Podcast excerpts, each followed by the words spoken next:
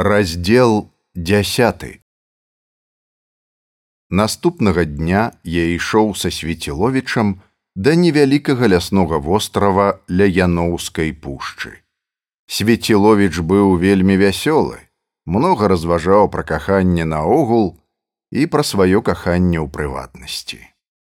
І такая чыстая, шчырая душа глядзела з вачэй гэтага хлопца, так наіўна па-дзіцячы ён быў закаханы, што я ў думках даў сабе слова ніколі не перабіваць дарогі яго пачуццю, не перашкаджаць яму, ачысціць яму месца ля дзяўчыны, якую кахаў сам. Мы, беларусы, рэдка ўмеем кахаць па-сапраўднаму, не ахвяруючы чымсьці, і я не быў выключэннем з правіла. Звычайна мы мучым тую, якую кахаем, а самі мучымся яшчэ больш ад розных супярэчлівых думак, пытанняў, учынкаў, якія іншымі вельмі лёгка прыводзяцца да аднаго знамянальніка. Свеціловіч атрымаў з губерні ліст, у якім яму пісалі між іншым і пра бермана. О, берман! Берман выяўляецца добрая цаца. Род ягоны стары, але збяднелы і нейкі дзіўны. Вось тут мне пішуць, што ўсе яны мелі непераможную цягу да самоты і з'едлівасць. Бацька яго страціў маёмасць, была вялізная растрата, і выратаваўся ён толькі тым, што прайграў вялізную суму рэвізору. Маці жыла амаль увесь час пры завешаных вокнах. Нават гуляць выходзіла толькі ўначы. Але самая дзіўная асоба сам берман. Ён выявіўся выключным знаўцам старажытнай драўлянай скульптуры і шкла. Некалькі год таму здарылася непрыемная гісторыя. Яго паслалі ў мніхавічы ад гуртка аматараў старажытнасці, на чале якога стаяў граф Тышкевіч. Там у мніхавічах зачынялі стары касцёл, а скульптуру з яго па чутках вельмі мастацкую хацелі адкупіць у прыватны музей тышкевіча, які ён перадаваў гораду. Берман паехаў, даслаў адтуль статую святого Хрыстафора і ліст, у якім пісаў, што скульптура ў касцёле не мае ніякай мастацкай вартасці. Яму поверылі, але праз некаторы час выпадкова даведаліся, што берман купіў скульптуру за мізэрныя грошы, купіў у агульнай колькасці 107 фігур і спрадаў усё іншаму прыватнаму калекцыянеру, назначыўшы вялікую суму. Адначасова не далічыліся значнай колькасці грошай у казне гуртка аматараў. Бермана ўзяліся шукаць, але ён знік разам з маці і малодшым братам, які выхоўваўся недзе ў прыватным пансіёне і толькі за год да таго прыехаў у горад. Між іншым, гэты брат вызначаўся яшчэ большай нелюдзімасцю. Увесь час ён сядзеў у дальніх пакоях, не выходзячы ні да каго. І толькі раз яго бачылі ў кампаніі бермана ў клубе, дзе ён здаўся ўсім дрэнна выхаваным для пансіянера. Калі агледзеліся, то выявілася, што дом яны паспелі прадаць і знікнуць невядома куды. Пачалі даведвацца і даведаліся, што і наогул гэтыя берманы зусім не берманы, а хто невядома. Да, сказаў я, няшмат мы даведаліся. Цікавае тут толькі тое, што берман злачынец, але ён абдурыў такога самага драпежніка не мне яго ганіць за гэта. Ён яшчэ атрымае па заслугах, але гэта пасля. Значна больш цікавае тут другое. Па-першае, куды падзеліся яго маці і брат. Па-другое, хто ён сам, які ў яго сапраўдны твар. Тое, што ён з'явіўся тут, зразумела, яму трэба было схавацца. А вось хто ён, хто ягоныя сваякі, Гэта трэба з'ясаваць. І я гэтым абавязкова зацікаўлюся. А ў мяне свеціловіч амаль ніякіх навін няма. Хіба што даведаўся, да і тое з вуснаў вар'яткі, што выбавіў рамана ў тую фатальную ноч з хаты гарабурда. А я нават не запомніў яго пысы, калі ён быў на вечары ў яноўскіх. Нічога, яшчэ даведаемся. Мы падышлі да ляска і заглыбіліся ў яго. Гэта быў адзін з ляскоў у наваколлі, у якім былі пераважна ліставыя пароды. І там, на невялікай галявіне, мы пабачылі рыгора, які трымаў на каленях доўгую стрэльбу, а спіною прыхіліўся да таўшчэразнага стаўбура вываратня. Пабачыўшы нас, ён устаў, па мядзвежы скасавурыўся і зручней узяўся за стрэльбу. Сцеражыцеся выходзіць на балоты, сцеражыцеся парку і асабліва яго паўдзённай і ўсходняй ускраін прамармытаў ён замест прывітання. Чаму спытаў я пазнаёміўшы яго са свецеловічам. А вось чаму буркнуў ён. Гэта не здані. Яны занадта добра ведаюць патаемныя сцежкі праз волатаву прорву. Вы здзіўляецеся, што яны мчаць без дарогі, а яны проста ведаюць усе сховішчы акругі і ўсе сцежкі да іх. Яны карыстаюцца дужа старажытнымі падковамі, якія прыбіты навенькімі гакамі. Што праўда, то праўда, іхнія коні ходзяць як мядзведь спачатку левымі, а пасля правымі нагамі. І крок у іх машысты шырэйшы, чым у якога іншага каня ў наваколлі і яны для зданей занадта слабыя. Здань праходзіць паўсюль, а гэтая толькі праз паваленую агароджу ля прорвы. Што я даведаўся яшчэ? Іх было ў мінулы раз не больш як 10 чалавек, бо толькі палова коней ідзе так, як ідзе конь, калі ў яго на спіне звычайная чалавечая вага. На астатніх, напэўна, штосьці лягчэйшае. Той, хто мчыць наперадзе, мае гарачы нораў, дзярэ каню рот цуглямі. І яшчэ адзін з іх нюхае табаку. Я знайшоў пыл зялёнай табакі ля месца, дзе яны спыняліся перад апошнім набегам і натапталі шмат слядоў. Месца гэта вялікі дуб непадалёк ад паваленай агароджы. Дзе можа быць месца іх збораў? спытаў я. Гэта я ведаю зараз добра, спакойна адказаў рыгор. Гэта недзе ў яноўскай пушчы. Я прасачыў сляды. Вось паглядзіце. Ён пачаў крэсліць лазінкаю па зямлі. Вось пушча, Тады, калі быў забіты раман, сляды зніклі вось тут, амаль ля балота, якое акружае пушчу. Калі яны гналіся за табою пасля вячэры ў дубатоўка. Сляды зніклі паўночней першага месца, а пасля той гісторыі ля яноўскага палаца, калі яны наважыліся крычаць, яшчэ трохі паўночней. Бачыш, шляхі амаль сыходзяцца. Праўда, падхапіў я, і калі іх прадоўжыць, яны сыдуцца ў адным пункце недзе на балоце. Я быў там. Скупа, як аб самым звычайным буркнуў рыгор.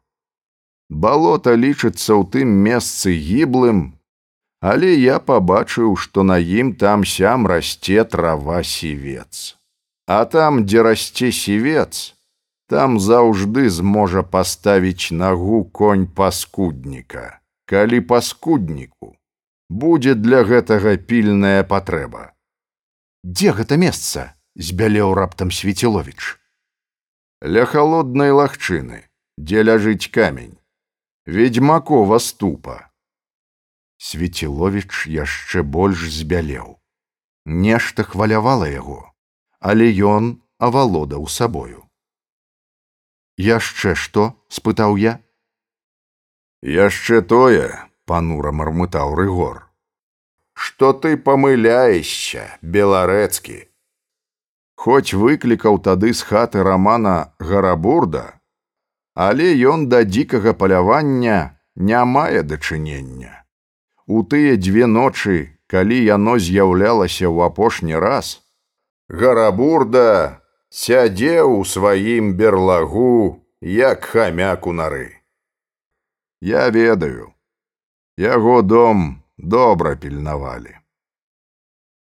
Але ж ён зацікаўлены ў смерці або вар'яцтве яноўскай.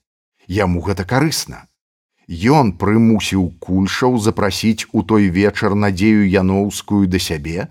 Ён паслаў да кульшаў і сваю дачку і затрымаў усіх да ночы. Рыгор задумаўся. Пасля мармытнуў. Можа і так. Ты разумны, ты ведаеш. Але гарабурды там не было.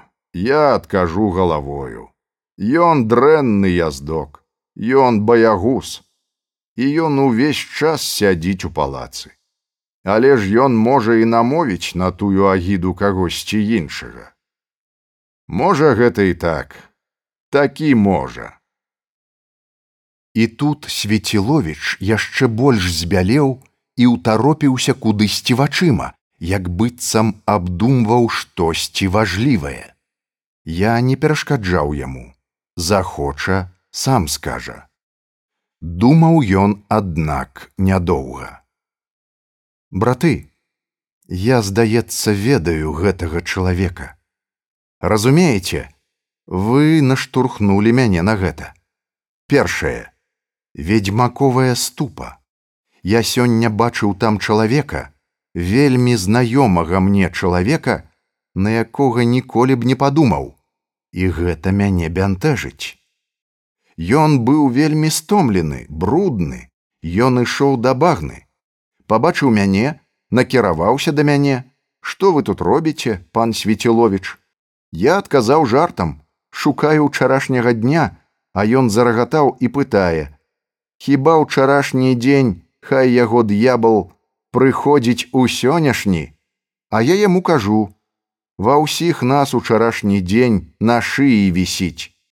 Ён, але ж не прыходзіць, а я яму, а дзікае паляванне, з мінулага аж у сёння прыйшло. Той аж у твары змяніўся. Хай яго ліха, не памінайце вы яго, і паехаў ля дрыгвы на поўнач. Я накіраваўся да вас пан беларэцкі. А калі азірнуўся то бачу ён паехаў назад і ўжо ў лажок спускаецца. Спусціўся і знік хто гэта спытаў я. А свеціловіч усё вагаўся. Пасля ўзняў свае светлыя вочы. Прабачце беларэцкі прабач рыгор але я не магу пакуль што сказаць. Гэта занадта важліва, а я не пляткар. Я не магу так проста ўзваліць такое абвінавачванне на плечы чалавека, які можа яшчэ і бязвінны. Вы ведаеце, за такое могуць забіць нават па аднаму падазрэнню. Магу толькі сказаць, што ён быў сярод гасцей у яноўскіх. Я ўвечары яшчэ падумаю, прыпамятаю гісторыю пра вексалі і заўтра скажу вам я пакуль не магу больш нічога сказаць. О, вядома, надзейнае алібі, О дурні, і якія няпэўныя думкі. Па аналогіі я прыпомніў і свае няпэўныя думкі пра руки, якія павінны былі мне дапамагчы разабрацца ў чымсьці важлівым, але прыдумаць, успомніць не мог і адагнаў надакучлівае слово. Вырашылі, што рыгор будзе сённяшняй ноччу сядзець у халоднай лагчыне. Адтуль недалёка да хаты, у якой жыў свеціловіч, яго стары брат слуга і кухарка. У выпадку патрэбы мы зможам яго там адшукаць. І ўсё ж я не веру, што падпільную іх там пры выхадзе. Свеціловіч іх спудзіў, сіпавата сказаў рыгор. Яны знойдуць іншую дарогу спушчы на раўніну. Але іншай дарогі ў парк не знойдуць. Я буду пільнаваць іх ля паваленай агароджы, вырашыў я. Аднаму небяспечна апусціў вочы рыгор. Але ты таксама будзеш адзін. Я, ну няма дурных.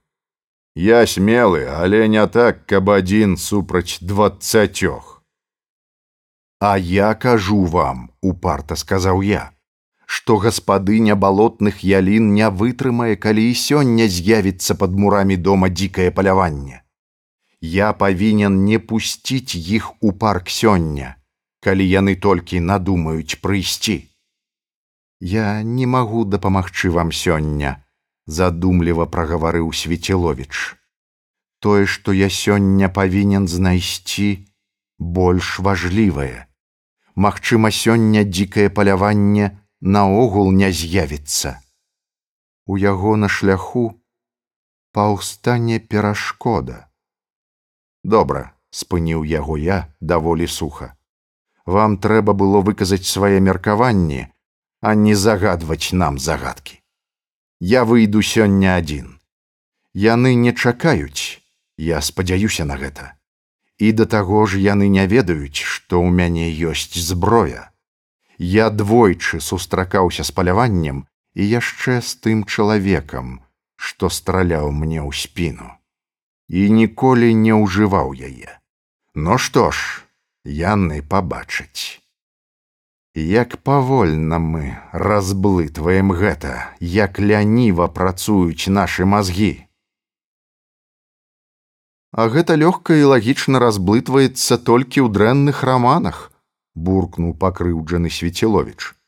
Да таго ж мы не сышчыкі губернскай паліцыі і дзякаваць Богу. Рыгор пахмурна калупаў лазінкаю зямлю. Хопіць, сказаў ён з уздыхам. Трэба дзейнічаць. Паскачуць яны ў мяне дурні. І прабачце, вы ўсё ж паны, і нам па дарозе толькі зараз. Але калі мы адшукаем іх, мы мужикі, не толькі заб'ём гэтых мярзотнікаў. Мы спалім іхняе гняздо мы зробім жабракамі іхніх нашчадкаў. А магчыма, і нашчадкам іхнім зробім гамон. Свецеловіч засмяяўся. Мы з беларэцкім вялікія паны. Як кажуць пан, лазовы жупан, балоневыя лапці. А калі праўду казаць, трэба ўсіх такіх рэзаць разам з панятамі бо з панят таксама паны некалі вырастаюць. Калі гэта толькі нясонная мара, гэтае дзікае паляванне. Ну не было, ніколі не было чалавека, які схаваў бы ад мяне лепшага паляўнічага сляды. Здані, здані і ёсць мы развіталіся з ім. Я таксама часткова быў узгодзен з апошнімі словамі рэгора. Нешта нечалавечае было ў гэтым паляванні. Гэты нялюдскі крык такі не мог вылятаць з чалавечых грудзей. Пошчак капытоў, які гучаў толькі часам. Дрыганты, парода, якая знікла, А калі нават і не знікла, дык хто ў гэтым закутку быў такі багаты, каб купіць іх. І пасля, як растлумачыць крокі ў калідоры.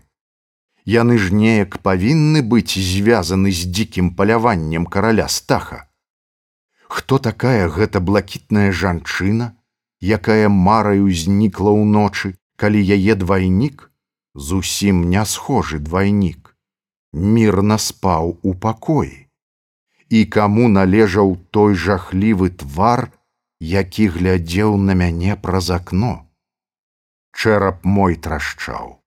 Не штосьці нялюдскае, злачыннае, страшнае было тут. Нейкая сумесь чартаўшчыны з рэальным. Я зірнуў на свецеловіча, які крочыў поруч са мною, вясёлы і гарэзлівы, як быццам гэтыя пытанні для яго не існавалі.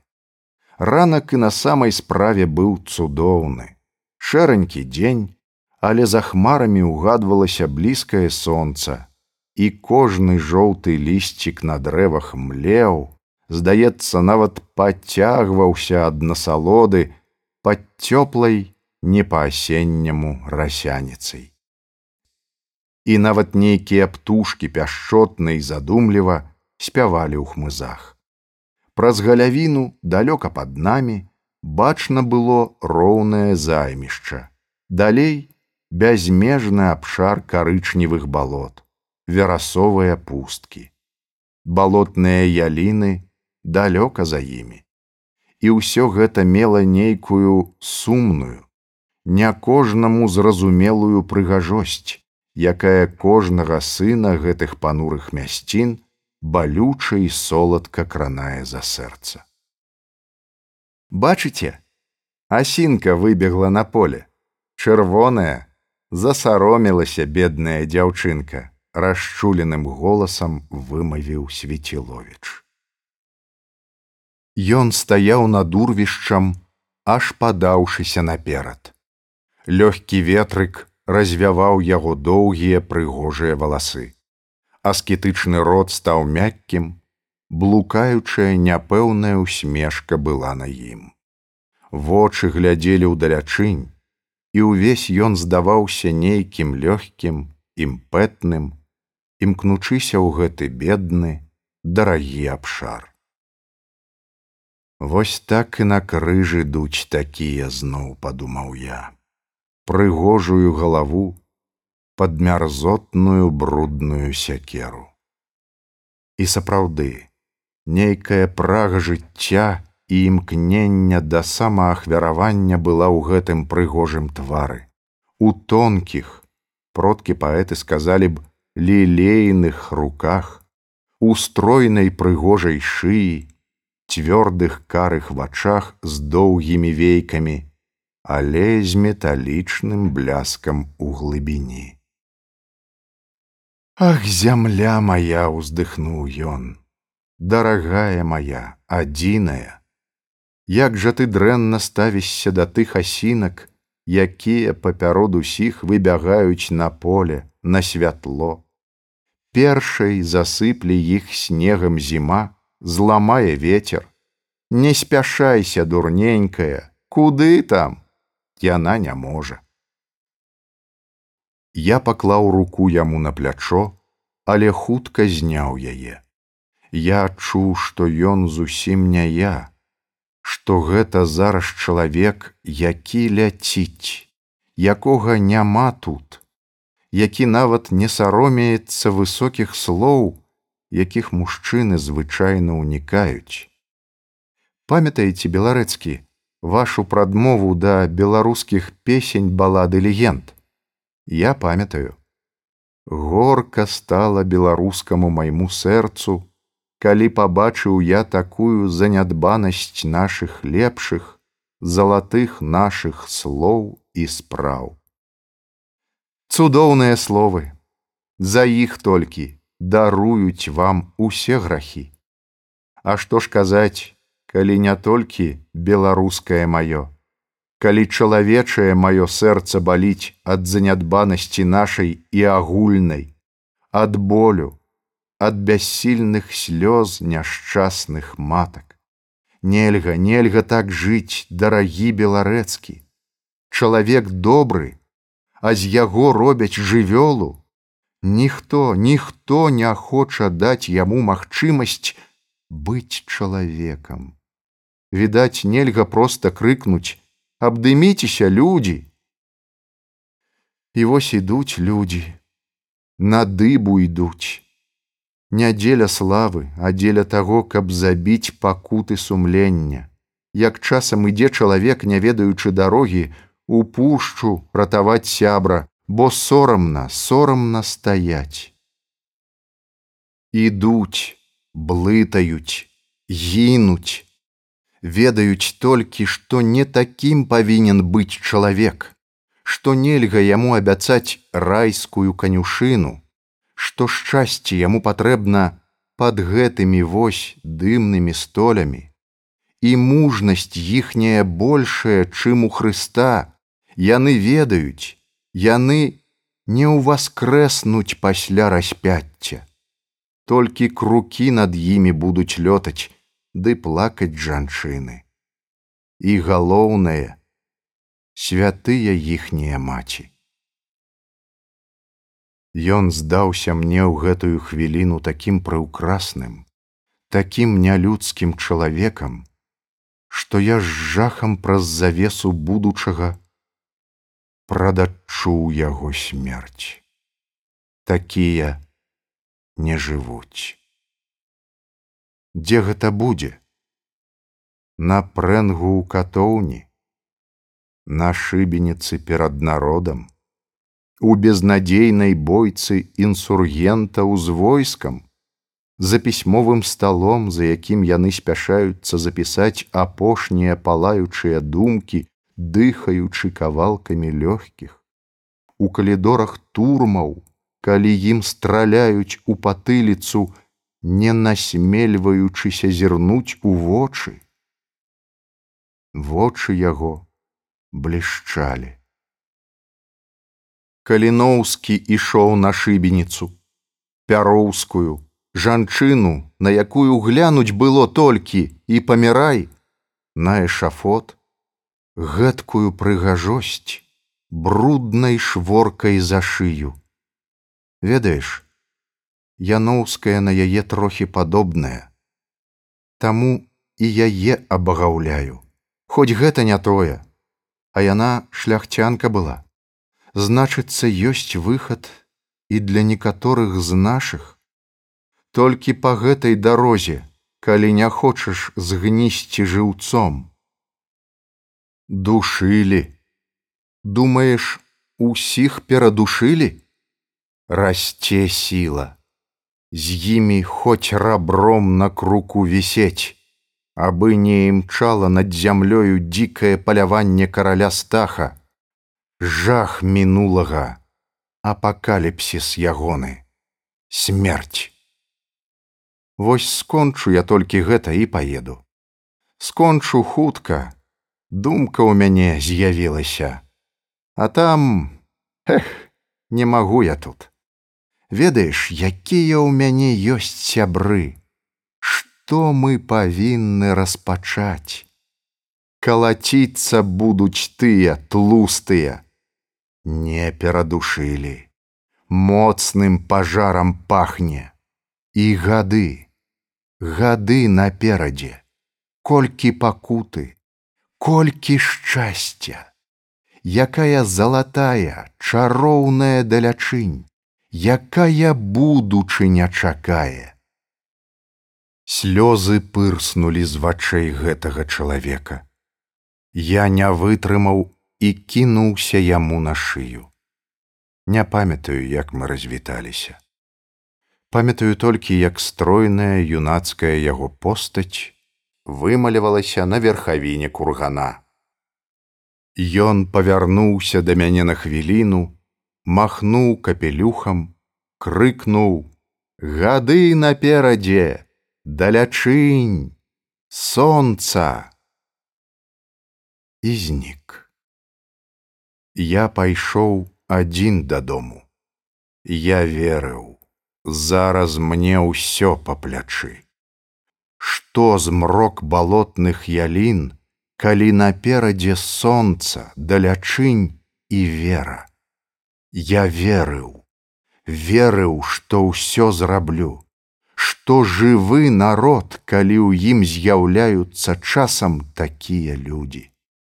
Дзень быў яшчэ наперадзе, такі вялікі, ззяючы, магутны вочы мае глядзелі насустрач яму і сонцу, якое пакуль што хаваецца сярод хмар.